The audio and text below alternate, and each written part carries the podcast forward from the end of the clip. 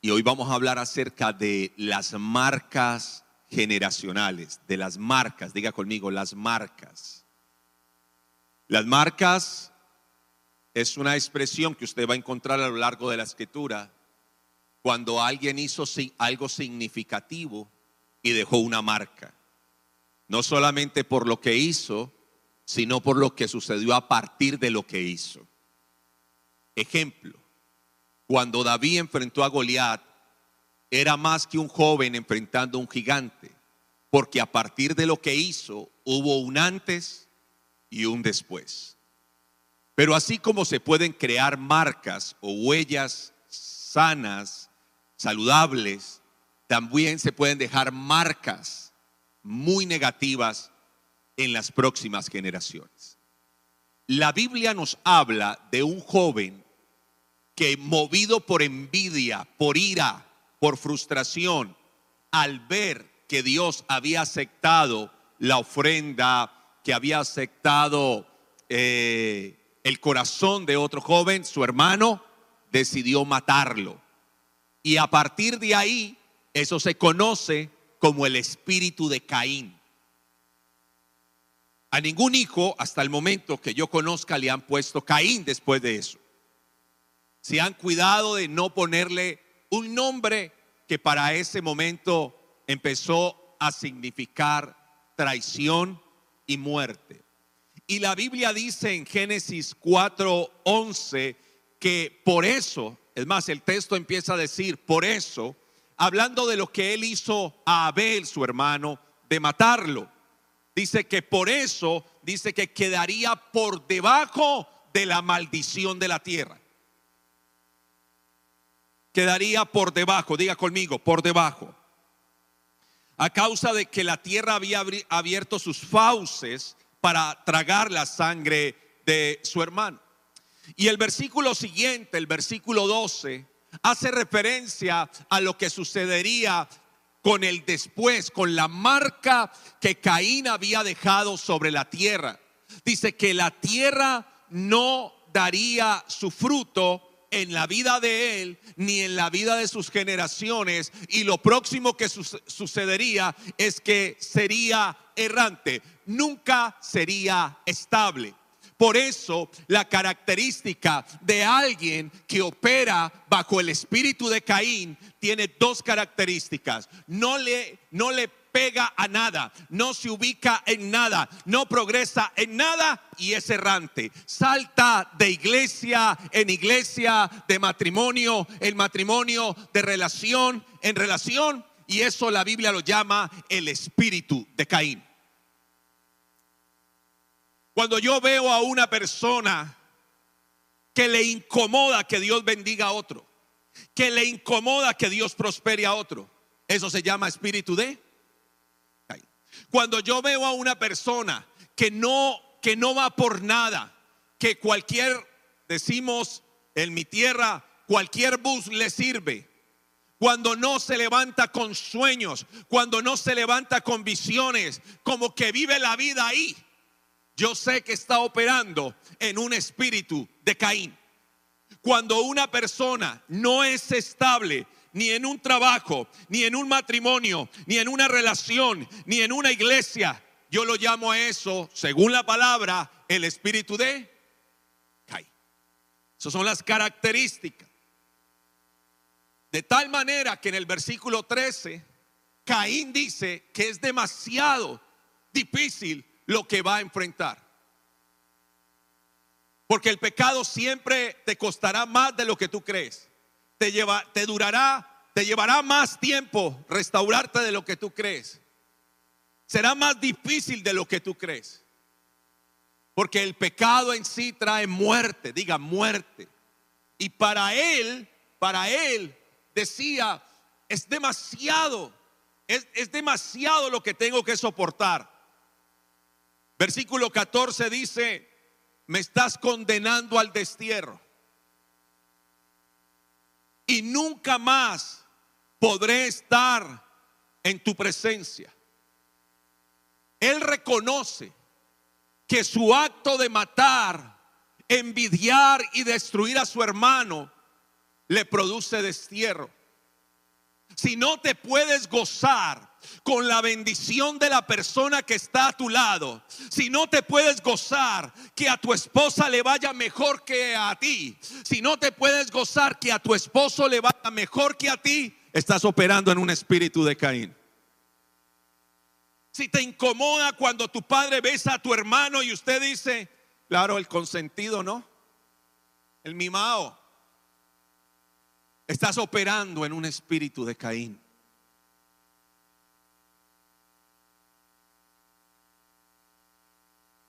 Un saludo para todos los que nos ven desde las diferentes naciones, a los que siempre se conectan desde España, desde Chile, desde Colombia, siempre tan, tan juiciosos en cada nación, y todos los que nos ven aquí en Estados Unidos. Un abrazo.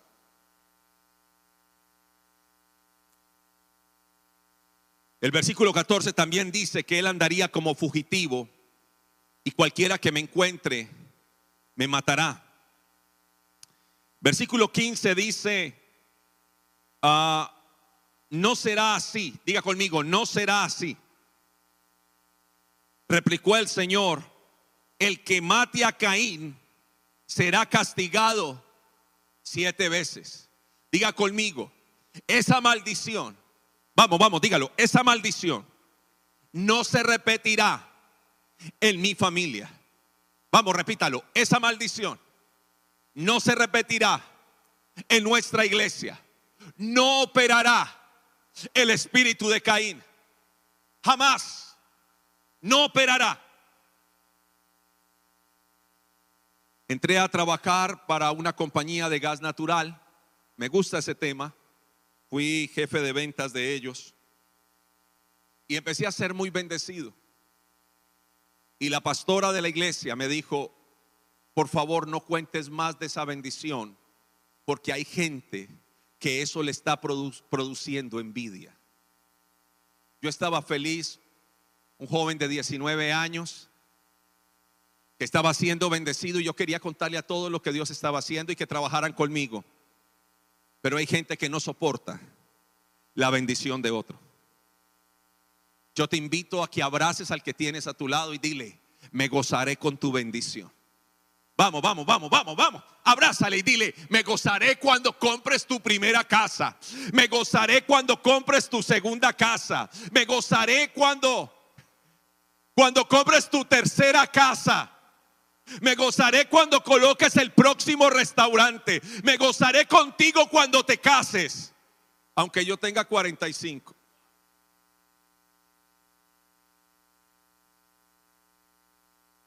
Si tiene a su esposa a su lado, dígale, me gozaré cuando compres el próximo par de zapatos.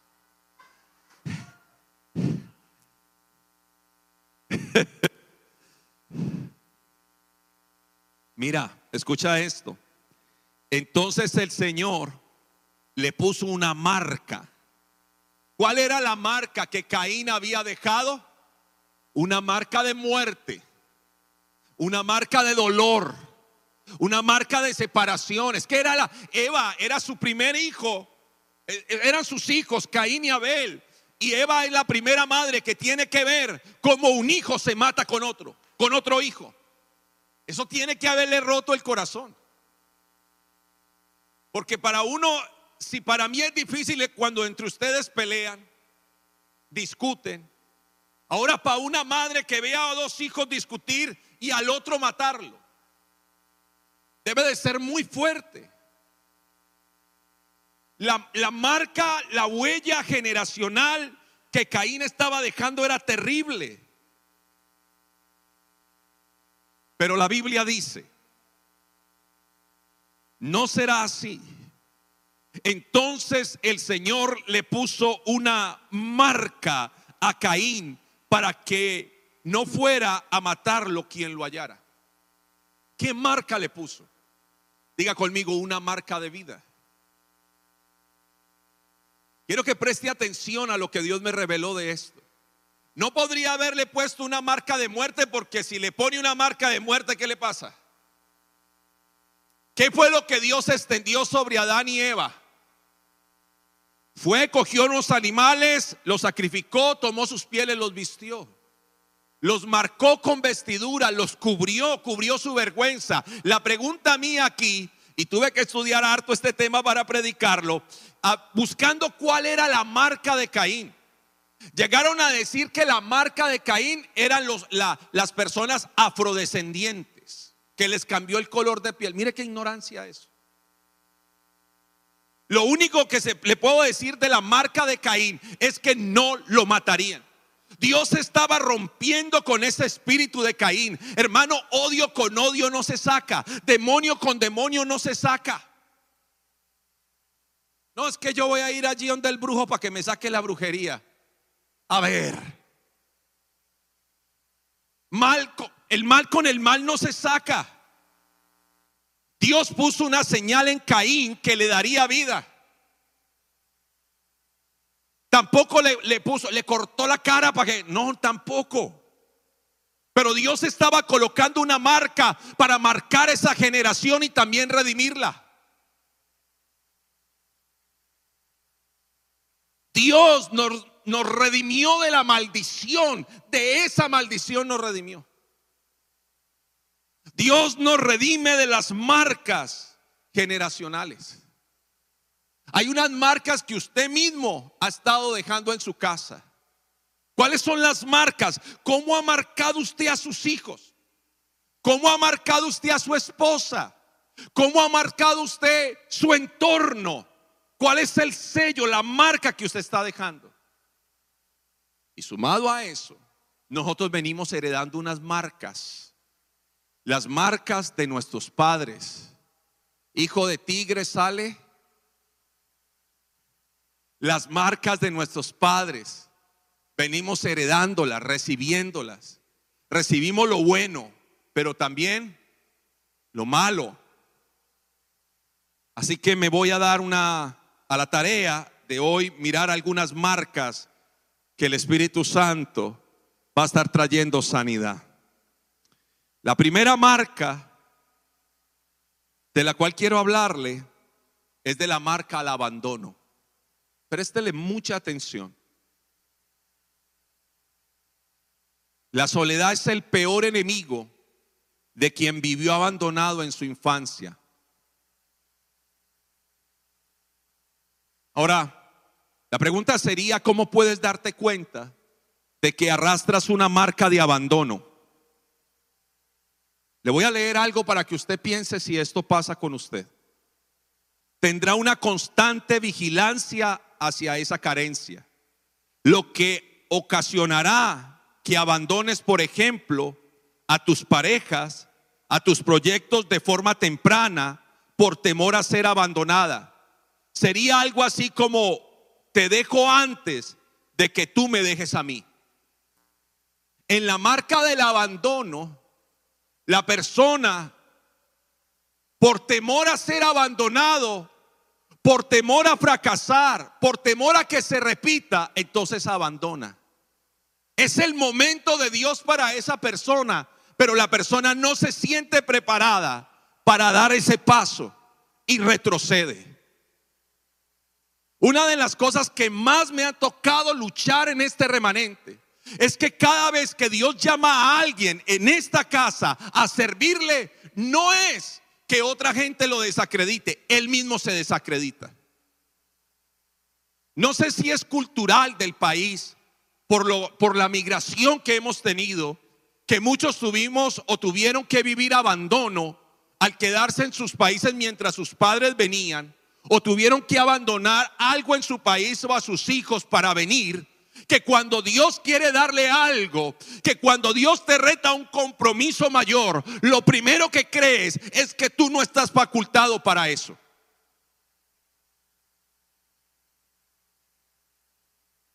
Y eso son de las cosas más fuertes que me ha tocado vivir con ustedes. Que no se comprometen por miedo a fracasar, por miedo a no quedar bien. Estamos en una transición de trabajar por eventos dentro de la iglesia a trabajar en grupos de conexión, conectar a otros. Usted no se imagina cómo es de difícil eso al nivel de liderazgo. Porque los primeros que dijeron que no fueron los líderes. Y yo me preguntaba por qué. Porque hay un esquema de abandono donde creen que si se comprometen van a fallar. Pero hoy, diga conmigo, hoy se rompe, vamos, dígalo, se rompe ese espíritu de abandono. Mira el que está a su lado y dígale, déjate amar.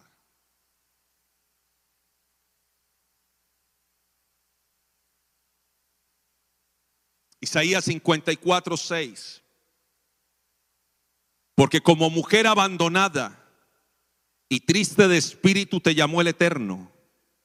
Y como a la esposa de la juventud que repudiada el Dios tuyo, dígale al que está a su lado, Dios te llamó. Vamos, vamos, vamos. Dios te llamó. Otra vez, vamos, dígalo, dígalo. Dios te llamó. Ponga su mano en su pecho, ponga su manito en su pecho y diga, Dios me llamó hermana, ¿y esto qué es? No, no, eh, eso es del Señor. Eso es, eso es del Señor. A mí nada es mío. Eso tiene virtud en cuanto a, a reconocer que dependemos de Dios, pero no tiene virtud cuando tú sientes que no mereces eso. Hola. Hoy rompemos con el abandono en esta iglesia. Allá los que están en casa.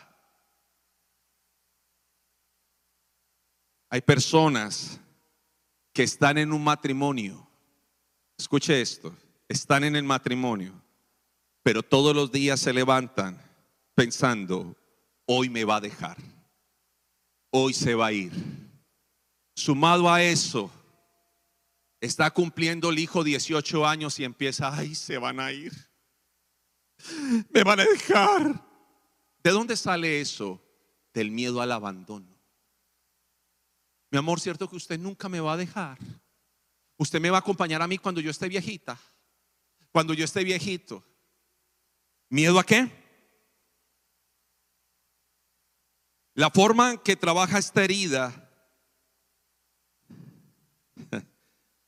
La forma de sanar esto es partiendo de que no hay rechazo que supere la aceptación de Dios en mi vida.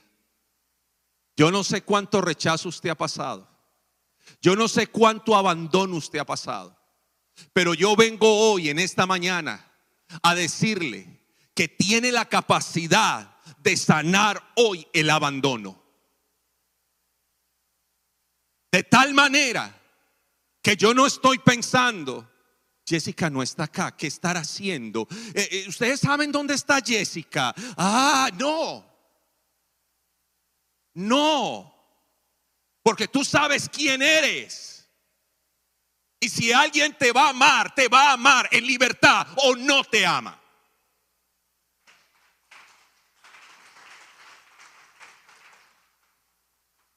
Le voy a sanar hoy ese abandono, ese huerfanito, dijo alguien.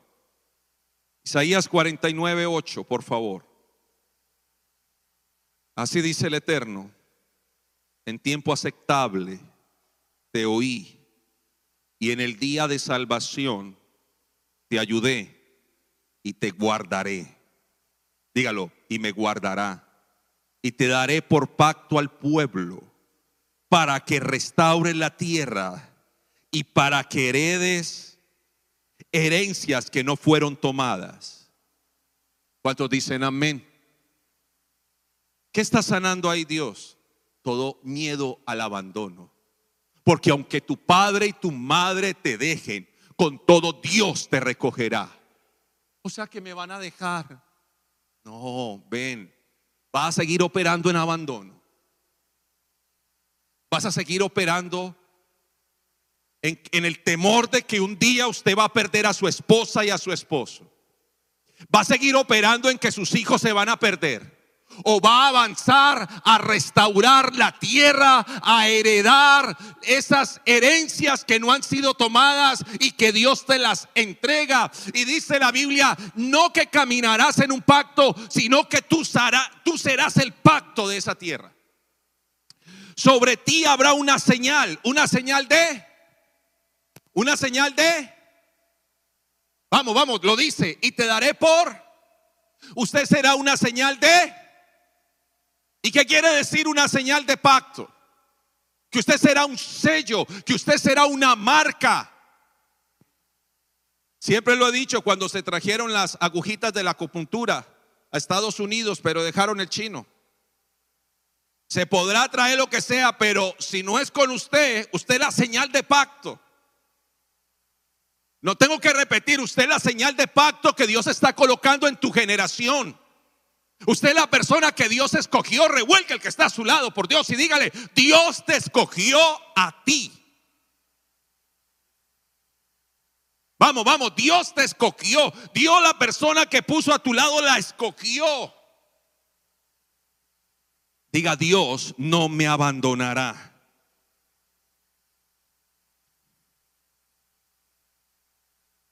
Efesios 1.6 dice, para alabanza de la gloria de su gracia, con la cual nos hizo aceptos en el amado.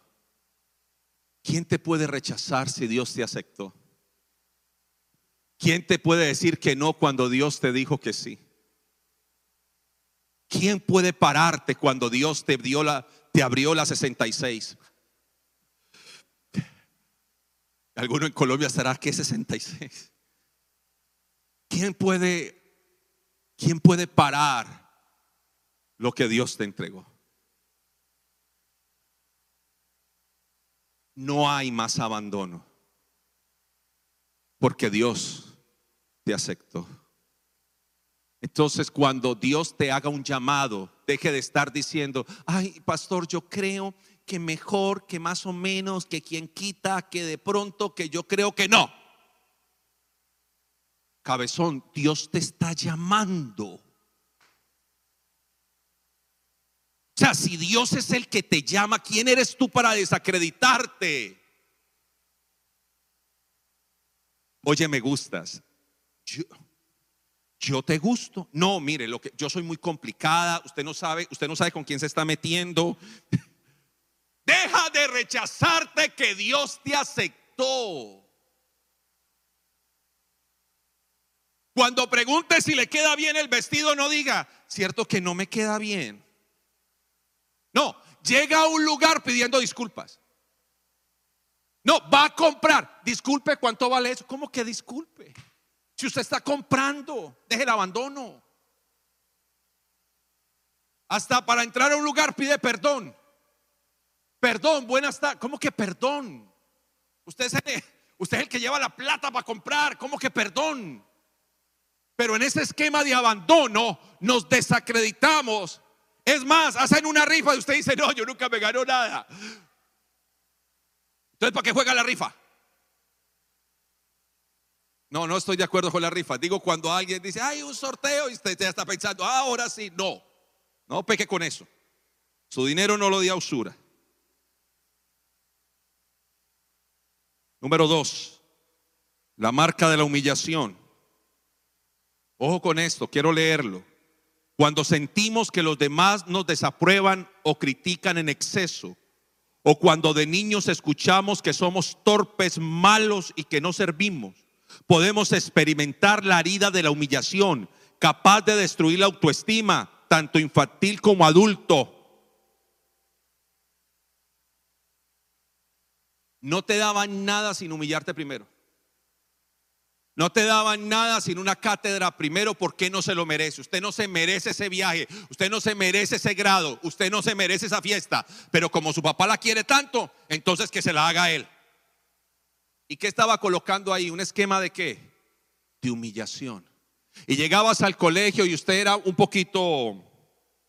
Lo que pasa es que en la adolescencia a veces le crece a uno más las manos que los pies crece a veces las caderas más que los pechos. eh, sale todo un mundo de, de selva en la cara, de, de- volcanes, cráteres, eh, sale de todo y en la adolescencia uno tiene muchos complejos. ¿Cuántos tuvieron complejos aquí en la adolescencia? Ahora, dígame el apodo que le tenían usted de adolescente, dígame. ¿Cierto que no? Usted no, oiga, el pastor cree que yo acá Nueva York. Pero bajo un esquema de humillación nos desacreditaban, nos...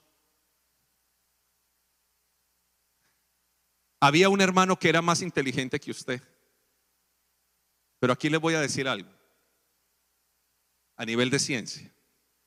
Hay personas que tienen un coeficiente intelectual mucho mejor que el suyo, pero no tienen coeficiente emocional ni menos espiritual.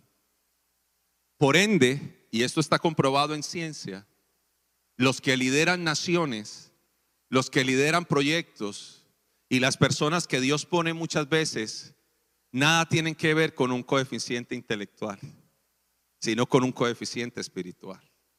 Lo explico. Yo no era el más ilustre de mis hermanos. Yo no soy el más ilustre. O ahora lo soy porque Dios así lo quiso. Pero tal vez en su casa había otro mejor que usted. Era más grande, más guapo, más apuesto. O su hermana era más bonita que usted, pero Dios te escogió a ti. Entonces no se trata de cuán coeficiente intelectual hay, sino cuánto coeficiente emocional y espiritual hay. Esto se encontró que las personas con un coeficiente espiritual mayor y emocional mayor lideran a personas de coeficiente intelectual mayor. Entonces esto no se trata cuán inteligente es la persona, sino la capacidad que la persona tiene para gobernarse a sí mismo. He encontrado en jóvenes una capacidad intelectual impresionante, pero una capacidad emocional miserable. No procure que su hijo sea el más inteligente. La inteligencia hoy también se conoce que puede desarrollarse. Esos coeficientes intelectuales se pueden desarrollar. Pero lo que usted tiene que procurar en su hijo es que sea coeficiente, co- que su coeficiente emocional sea más alto que su coeficiente intelectual. Me dijo una madre en estos días, mi hijo es muy inteligente, pero está encerrado en un cuarto y hace mucho tiempo no sale. ¿Qué tiene ese muchacho?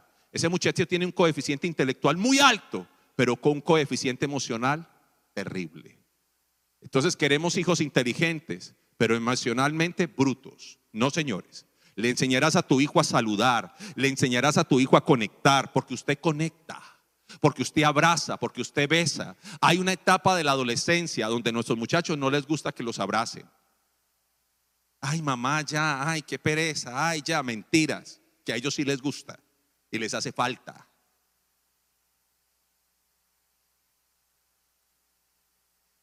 Vamos a la palabra. Estamos hablando de humillación. Las heridas emocionales de la humillación generan con frecuencia una personalidad dependiente. Además, puede habernos enseñado a ser tiranos y egoístas como un mecanismo de defensa e incluso a humillar a los demás como escudo protector. Filipenses 3:21 dice, el cual transformará el cuerpo de la humillación nuestra para que sea semejante al cuerpo de la gloria suya, por el poder con el cual puede también sujetar a sí mismo todas las cosas. Todo lo que ha sido, escuche esto que es importante. Por eso lo cité en la Reina Valera, porque es la mejor explicación de ese texto. Puede ser que usted haya operado en humillación. Puede ser que a usted le hayan avergonzado y abusado y haya quedado en humillación. Pero Dios dice en esta mañana que Él transforma el cuerpo de la humillación, las señales de la humillación, y Él las transforma en un cuerpo de gloria. Toda humillación que ha estado operando en tu vida, todo lo que te desacredita, todo lo que te hace sentir mal. Llegas a una reunión de mujeres y usted dice, ay tierra, trágame.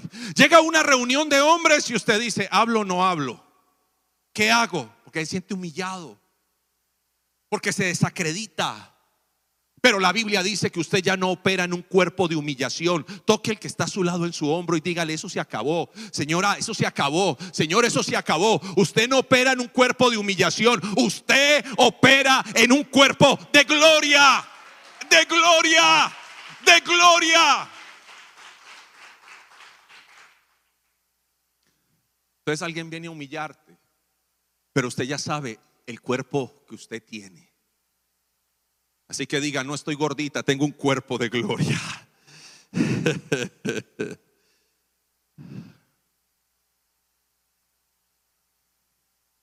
Preste atención a este texto, Primera de Corintios 7:23. Por precio fuiste comprados. No os hagáis esclavos de hombres. Quiero que aprendas a depender de Dios yo no quiero que operen más en humillación. Juan 10, 28 dice, yo les doy vida eterna. Escúcheme, nunca perecerán, ni nadie podrá arrebatármelas de la mano. Mi Padre, que me las ha dado, es más grande que todos. Vamos, dígalo, es más grande que todos. Y de la mano de mi Padre nadie me las puede arrebatar. Dios transformó ese cuerpo de humillación. Dios lo transformó en un cuerpo de gloria. Y deje de estar temiendo de que usted va a perder, de que no va a ser feliz culturalmente, si usted se reía mucho, alguien se iba a morir. O algo malo iba a pasar. Diga, yo rompo hoy con eso en el nombre de Jesucristo. Número tres, la injusticia. La injusticia como herida emocional se origina en un entorno en que los cuidadores padres principales son fríos y autoritarios en la infancia. Una exigencia en demasía y que sobrepase los límites genera sentimientos de ineficiencia, inutilidad, tanto en la niñez como en la edad adulta. La Biblia dice, Lucas 11:46, préstele atención, contestó Jesús y dijo, hay de ustedes también expertos de la ley, cristianos religiosos, abruman a los demás con cargas que apenas se pueden soportar, pero ustedes mismos no levantan ni un dedo para ayudarlos. Entonces estamos diciendo que hay que perdonar. ¿Cuántos dicen amén? ¿Y usted ya perdonó? Estamos diciendo que esta iglesia transmite la esencia del Padre. ¿Le gusta ser papá? Estamos diciendo que hay salvación. ¿Y los que están aquí son salvos?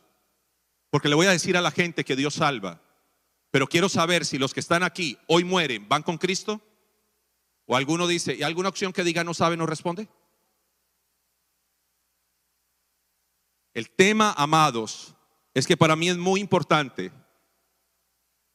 Yo entiendo la justicia y yo entiendo lo que hay que hacer, pero comprométase a no pedir nada a sus hijos que usted no modele.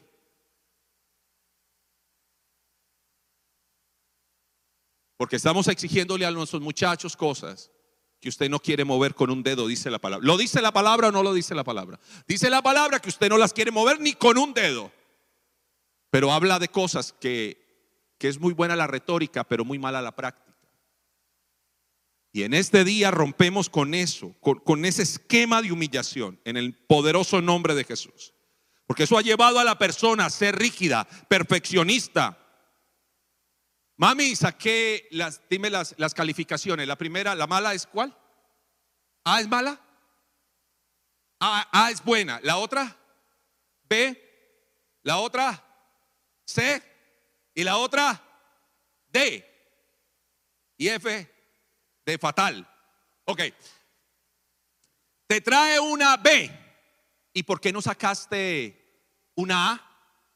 O sea, no hay que la contente. No hay suficiente. Amor, te traje tres pares. Verde, negro y rojo. ¿No había azul?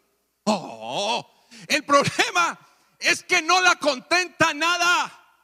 El problema es que nada es suficiente para usted. ¿De dónde viene eso? De un esquema de justicia, más bien de injusticia. porque no le agrada nada. Para todo hay un pero. Vamos a hacer un servicio en inglés. ¿Y para qué va a ser un servicio en inglés? Siempre tiene que dar un mal comentario de un proyecto bueno. Arranca algo pensando que no es posible. Entonces, ¿para qué lo arranca? Cuénteme, ay, pastorcito, pastorcito, pastorcito. Cuéntame, es que voy a comprar una casa. Ore para que se dé todo.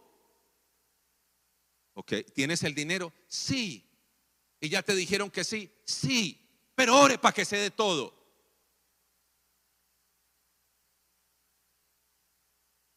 Hemos vuelto la oración un fetiche. Hemos vuelto la oración algo místico. La oración es hablar con Dios. ¿Cómo cree usted que Dios me escucha más a mí que a usted? ¿Cuántos sobrinos de Dios hay aquí? Levante la mano, sobrinos. No, no, ¿verdad? ¿Cuántos hijos de Dios hay aquí? Entonces deje de estar pidiendo la oración de otro. Porque usted puede hablar con su papá. Si a mí, David, el hijo menor, viene y me dice, oiga, pa, que eh, Juan Alejandro, hijo mayor, le mandó a decir que, ¿sabe qué le digo? Dígale que hable conmigo. Ah, Dios en esta mañana le manda a decir a muchos que están allá en la casa dormidos.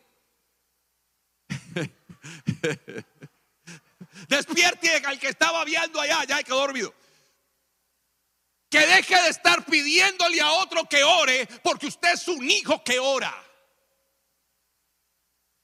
Pero nos enseñó la religión que alguien tiene que orar. ¿Por quién? Y la Biblia dice, orando unos por qué? para que seáis sanados. Y la oración eficaz del justo puede mucho, pero muchos piden oración para no orar.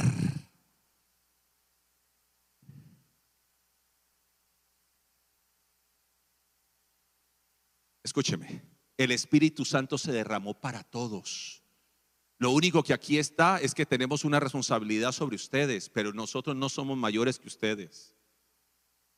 Si ve cómo se quedan callados, uy Señor bendito, ayúdanos Señor. Lo voy a repetir, nosotros no somos mayores que ustedes. El más grande vino y lavó los pies de sus discípulos. Y si eras el más grande y lavó los pies, ¿qué nos queda a nosotros, por Dios?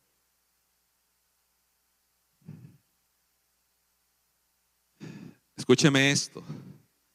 Mientras sigas bebiendo de ese perfeccionismo suyo barato que no sirve para nada, Juan 4:13 dice, y eso no quiere decir que no hagamos las cosas con excelencia. El problema es cuando usted nada lo sacia. El problema es cuando desacredita a sus hijos o a sus empleados o ni siquiera valora lo que aquí en la iglesia se le sirve. Y anda como, como en el espíritu de Caín mirándole la iglesia ajena, mirando el servicio ajeno, mirando lo que hacen otros.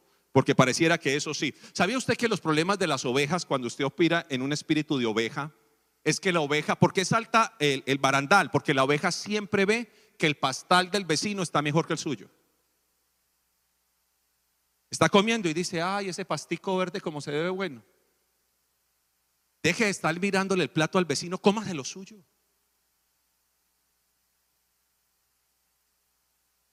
No puedo decir más porque me voy como descarriando. Juan 4:13 dice, todo el que beba de esta agua volverá a tener que... Pero el que beba del agua que yo le daré no volverá a tener sed jamás, sino que dentro de él se convertirá esa agüita, ese chorrito, en un manantial que brota para vida eterna. Diga conmigo, ¿cuál chorrito? Yo lo que soy es un manantial. Alguien decía que Cristo es la fuente y yo el chorrito y la verdad su amor. ¿Cuál chorrito, hermano?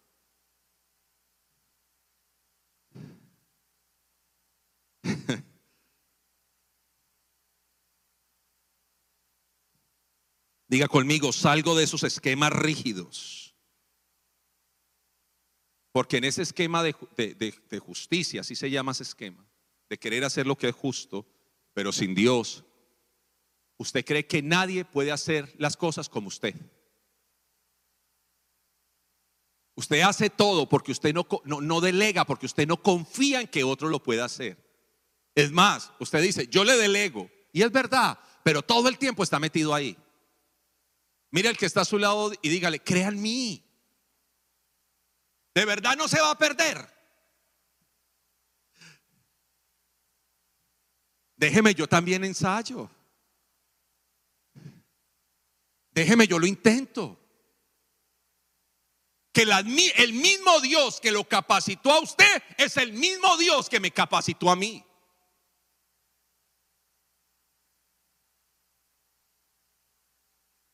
Número, número cuatro, miedo al rechazo. Una de las heridas emocionales más profundas, esas huellas, es el miedo al rechazo. Y esto tiene que ver con un rechazo interior muchas veces, a causa de que usted fue rechazado. Entonces la persona rechazada hiere a los demás de manera natural. Y las personas rechazadas no saben recibir amor. Y la persona que opera en un espíritu de rechazo es agresivo, uno le quiere dar amor. La persona con un espíritu de rechazo se subvalora todo el tiempo. Y siempre hablan diminutivo. Dios me dio un esposito y esta casita y pues los hijitos, gracias al Señor. Y este día pues está muy bonito y voy a salir ahora más tardecito. Y voy a hacer una oracióncita a ver si Diosito me...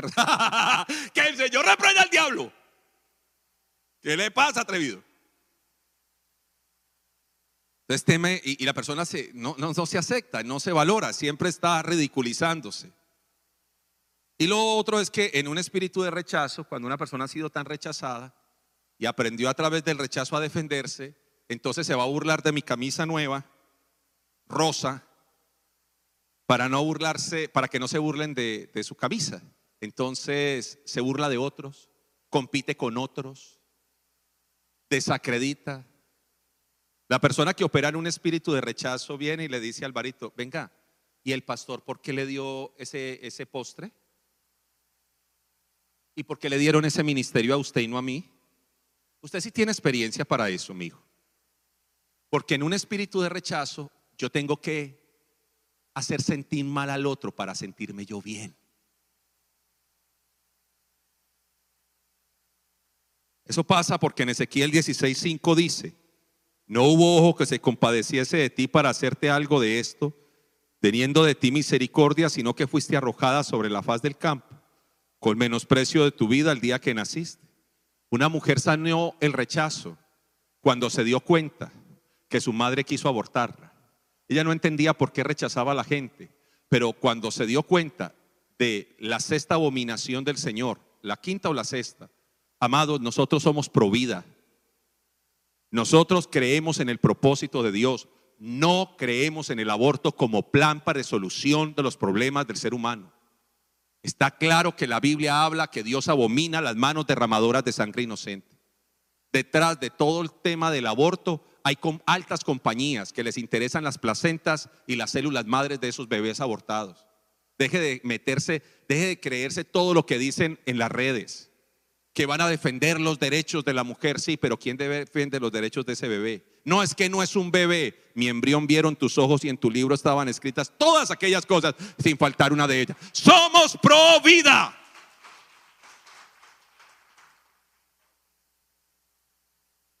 Alguien dijo, y entonces esas mujeres que quedan en embarazo pobres, sí, mis padres fueron pobres, entonces que me abortan o qué? O solamente los ricos tienen derecho a nacer.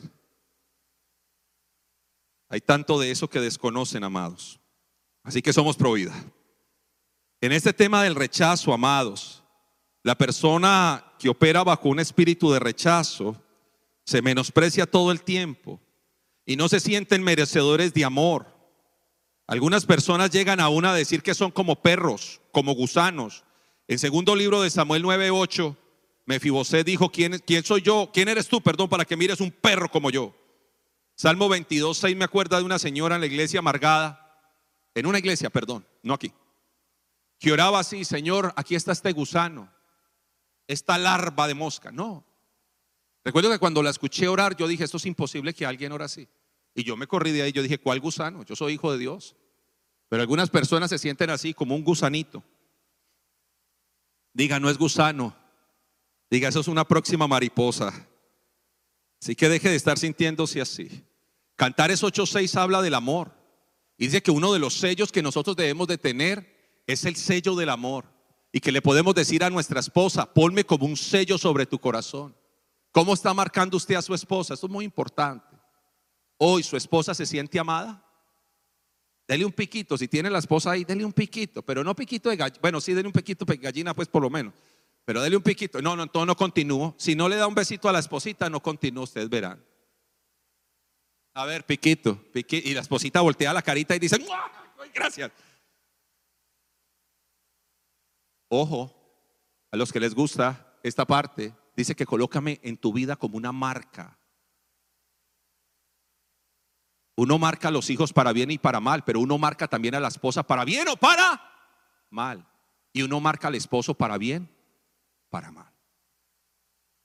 Y ahí sí nadie dice amén, ¿cierto? Calladitos. Por último, amados, debo de terminar esta predicación, el miedo a confiar. La traición o el miedo a confiar se genera debido al incumplimiento de promesas tanto de los progenitores como de líderes. Esta desconfianza se traduce en desmerecimiento, desaprobación, en sentimientos muy negativos, de los cuales usted no cree que se merece ello. Por eso en Eclesiastés 5:5 dice, mejor es que no prometas y no que prometas y no cumplas. No dejes que tu boca te, deje, te haga pecar, dice. No dejes que esa boca lo haga porque usted mantiene prometiendo una cantidad de cosas o prometemos. Pero aquí va el problema del, del miedo a confiar. Citamos mucho en la Biblia, citamos mucho en la Biblia, amados, maldito el hombre que confía en otro hombre y que pone carne por su brazo. Pero si yo no puedo confiar en la mujer que Dios me dio, estamos llevados. Si yo no puedo confiar en los hijos que Dios me dio, grave. Si yo no puedo confiar en mi líder, grave. Entonces yo en un, en un esquema de desconfianza desconfío de todo mundo. Y tengo celos del viento porque acaricia tu piel, de la luna que te mira, del sol que te calienta. Y tengo celos. ¿Cómo así? Si yo no puedo confiar en lo que Dios me dio, estoy muy mal ubicado. hay un grado de confianza que no que no me hace ciego, pero hay un voto de confianza que le necesito dar a la gente que me rodea. ¿Sí o no? Yo necesito darle un voto de confianza a aquel que, trabaja conmigo, inicia un proyecto y yo le digo, hágale pues, vamos. ¿Eso es un voto de qué? El problema es cuando usted reemplaza a Dios por confiar en la gente. Eso sí es un problema. Pero el tema de la confianza en cierto grado es necesaria. En, cierto grado no, es que es muy necesaria. Aquí estamos. ¿Usted confía en las personas que trabajan en su compañía de que estén haciendo las cosas bien? ¿Sí o no? Para poder usted estar aquí.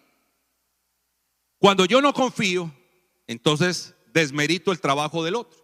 Primera de Corintios 12:4 dice, además, el cuerpo no es un solo miembro, sino muchos. Y si dijera el pie, porque no soy mano, no soy del cuerpo, por eso no será del cuerpo.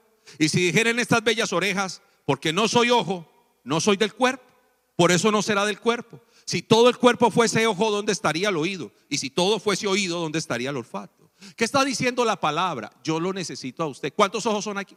Muchos podrán ser ojos, otros orejas, otros bocas, qué sé yo. Pero cada uno de nosotros nos necesitamos. Yo no puedo decir desde el altar, el que se quiera ir, que se vaya. No, porque entonces a quién le predico. ¿Me hago entender eso? Es decir, no necesitamos. Tome la mano de la persona que tiene a su lado, póngase sobre sus pies y dígale, te necesito. Somos un equipo. Hagamos esto juntos, amados. Termino. Efesios 1:13. Dice la palabra en cuanto a las marcas. Dice la palabra que el Señor nos selló con el Espíritu. Mire esto tan hermoso. El Señor nos selló con el Espíritu. Él puso una nueva marca. Sí, pastor, porque es que vea, yo sufrí marcas de abuso, de humillación, de maltrato, de ruina, de lo que sea, sí, pero Dios puso una nueva marca Ahí empúñele un poquito la mano y dígale, Dios puso una nueva marca en ti. La Biblia dice, Él te selló con su espíritu. Gálatas 6:17 dice, cierro la predicación. De aquí en adelante, dígalo conmigo, dígalo conmigo. De aquí en adelante nadie me cause molestias porque yo traigo en mi cuerpo las marcas del Señor Jesús. Amén.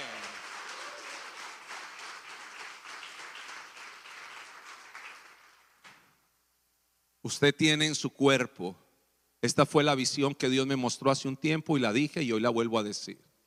En la visión yo veía las marcas de mi cuerpo y el Señor ponía sus manos y dejaba su marca, pero la marca pasada ya no estaba. ¿Por qué está diciendo este hombre estas palabras?